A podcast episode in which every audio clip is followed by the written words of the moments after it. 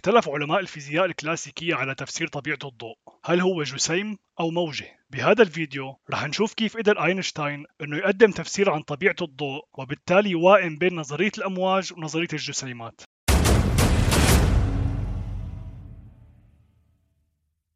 بعد ما أنهى إسحاق نيوتن قوانين الفيزياء الكلاسيكية أعتقد العلماء أنهم اكتشفوا كل القوانين اللي بتفسر كل الظواهر المحيطة وأنه العالم بيشبه الآلة الميكانيكية اللي بتشتغل بقوانين وحدة هي قوانين الفيزياء الكلاسيكية. وهذا الاعتقاد دفعهم للإقرار بأنهم بيقدروا بأنهم يتنبؤوا بأي حدث ممكن يصير بالمستقبل إذا عرفوا مقدماته بالحاضر. مثل أنهم يتنبؤوا بحركة أي كوكب بالمستقبل إذا امتلكوا المعلومات الكافية عن سرعة وحركة وكتلة الكوكب. الثقة العمياء بقدرة الفيزياء الكلاسيكية على تفسير أي شيء استمرت حوالي 200 سنة. لحد ما ظهرت ظواهر مدهشة وقفت قدامها قوانين الفيزياء الكلاسيكية عاجزة عن تفسيرها. من ضمن هاي الظواهر اللي رح نحكي عنها بهذا الفيديو هي ظاهرة التأثير الكهروضوئي. شو يعني ظاهرة التأثير الكهروضوئي؟ لما نقرب مصدر للضوء من صفيحة معدنية مثلا رح نلاحظ خروج تيار كهربائي من الصفيحة. والشيء الغريب إنه كل ما نزيد شدة الضوء بتزيد شدة التيار. هاي الظاهرة فتحت أسئلة كبيرة مثل أنه شو العلاقة بين الضوء والتيار الخارج من المعدن؟ وشو العلاقة بين شدة الإضاءة وشدة التيار الكهربائي؟ وليش لازم شدة إضاءة معينة ليمر هذا التيار؟ وليش هاي الظاهرة بتحدث بأنواع معينة من المواد اللي بتنعمل منها الصفائح؟ مو بكل المواد.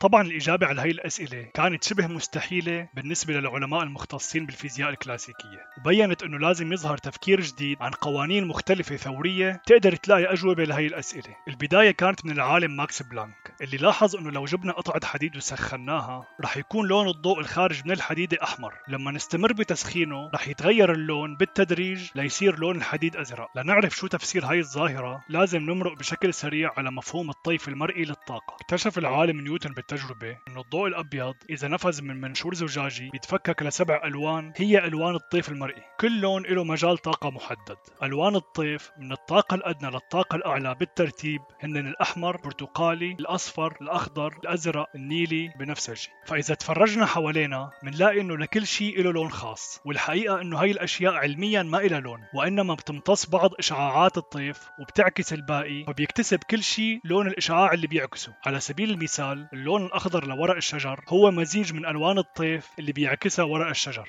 بناء على هذا المفهوم المفروض إنه لون الجسم بيتغير كل ما تغيرت طاقته بالزيادة أو النقصان. فيلي عم بيصير بقطعة الحديد إنه عم تكتسب طاقة عم تتزايد بشكل تدريجي وبالتالي عم بتغير لونها من لون الطاقة الأدنى للون الطاقة الأعلى. لنفهم كيف اكتسبت قطعة الحديد هاي الطاقة لازم نعرف شو عم بيصير بأصغر جزء من مادة الحديد واللي هي الذرة. حسب الفيزياء الكلاسيكية الذرة هي أصغر جزء بالمادة غير قابلة للانقسام. هي وحدة البناء الرئيسية لكل شيء موجود بالكون. أول مكون للذرة هو النواة اللي بتحتوي على بروتونات موجبة الشحنة ونيوترونات معتدلة الشحنة. المكون الثاني هو الإلكترونات اللي بتتواجد بعدد من مستويات الطاقة حول النواة. تتحرك الإلكترونات بشكل سريع جدا تشبه بشكل كبير حركة الكواكب حول الشمس بالمجموعة الشمسية. أما شحنة الإلكترونات فهي سالبة. لو أخذنا ذرة الحديد على سبيل المثال هاي الذرة بتتكون من نواة موجبة الشحنة والإلكترونات متوزعة على أربع مستويات للطاقة. المستوى الأول بيحوي على الإلكترونين المستوى الثاني 8 إلكترونات الثالث 14 إلكترون والرابع إلكترونين.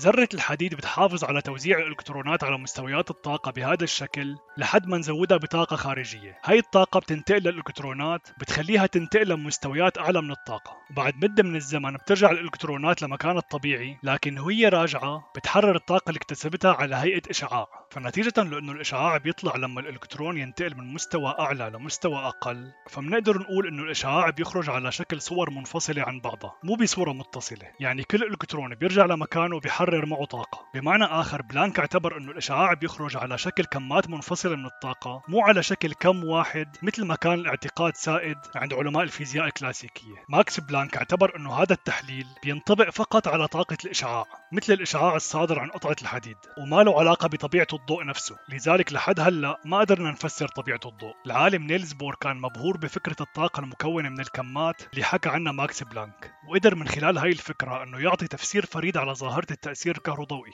اعتبر بور إنه الإلكترون الموجود بالمدار الخارجي. لو اكتسب كمية من الطاقة كافية لتحريره من الذرة فرح يتحرر من الذرة بشكل كامل ويتحول لإلكترون حر. وهذا اللي بيفسر خروج تيار كهربائي من المعدن لما يتعرض لمصدر طاقة مثل الضوء. إذا التيار الكهربائي هو عبارة عن الإلكترونات المتحررة من المدار الخارجي للذرة. قدر أينشتاين أنه يقدم تفسير عن طبيعة الضوء بالاعتماد على نظرية ماكس بلانك للطاقة نظرية نيلز بور لتفسير التأثير الكهروضوئي وهذا الشيء من خلال دراسة تأثير الضوء على الخلية الكهروضوئية الخلية الكهروضوئية بتحتوي على لوحين معدن مقابل بعض. اللوح الأول رح نسلط عليه ضوء من لمبة فبيطلع لنا إلكترونات. رح نسمي هذا اللوح بالباعث. اللوح الثاني رح نستقبل فيه الإلكترونات الصادرة من الباعث ورح نسميه الجامع. رح نوصل الباعث بالطرف السالب للبطارية والجامع بالطرف الموجب للبطارية. ضوء اللمبة له شدة إضاءة معينة وتردد معين وممكن التحكم بشدة الإضاءة أو التردد بالزيادة أو النقصان. التردد هو عدد الدورات اللي بتناوب فيها التيار بين الأقطاب. فمثلا إذا عندنا لمبة ترددها 50 هرتز رح يتم التبديل بين القطبين الموجب والسالب لللمبة 50 مرة بالثانية. لما نزيد شدة الإضاءة تزداد عدد الإلكترونات الصادرة من الباعث وبالتالي بتزيد شدة التيار. الغريب بالموضوع إنه لما نخفض تردد الضوء نوصل لمرحلة ما بيخرج فيها أي إلكترون من الباعث وبالتالي ما بيتولد تيار كهربائي قد ما زدنا شدة الإضاءة. وهذا الكلام بيتعارض على طول الخط مع الفيزياء الكلاسيكية اللي اعتبرت إنه لما نستمر برفع شدة الإضاءة رح نوصل لمرحلة بنحصل فيها على تيار كهربائي بغض النظر عن تردد الضوء نفسه. لما أينشتاين حسب طاقة حركة الإلكترون المنبعث لاحظ إنه هاي الطاقة ما عم بتزيد لما نزيد شدة الإضاءة. وهذا بيعني إنه ما في أي علاقة بين شدة الإضاءة وطاقة الضوء لأنه المفروض لو كانت طاقة الضوء بتزيد فالإلكترون رح يمتص هاي الطاقة وبالتالي تزيد طاقة حركته طيب شو اللي عم يصير لكن؟ شو هو الشيء اللي عم يحرر الإلكترون من الباعث إذا ما كان طاقة الضوء نفسه؟ هذا الشيء ما له إلا تفسير واحد. هو إنه الضوء عبارة عن وحدات منفصلة عن بعض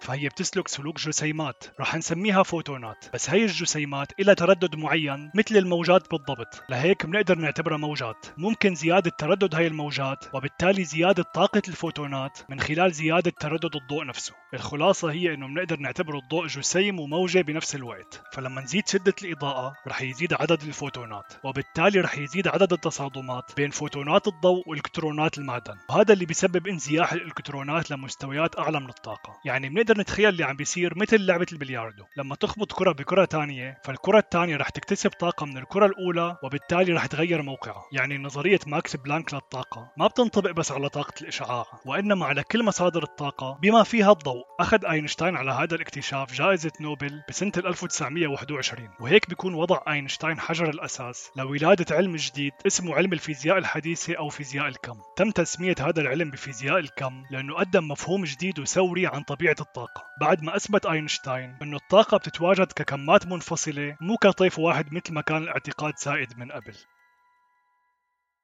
بالفيديو القادم رح نعرض أهم مبادئ فيزياء الكم واللي من خلالها رح نشوف كيف تغيرت نظرة العالم بشكل جذري لطبيعة المادة وبالتالي طبيعة الإنسان وطبيعة الواقع. كالعادة بتمنى لكم حياة سعيدة.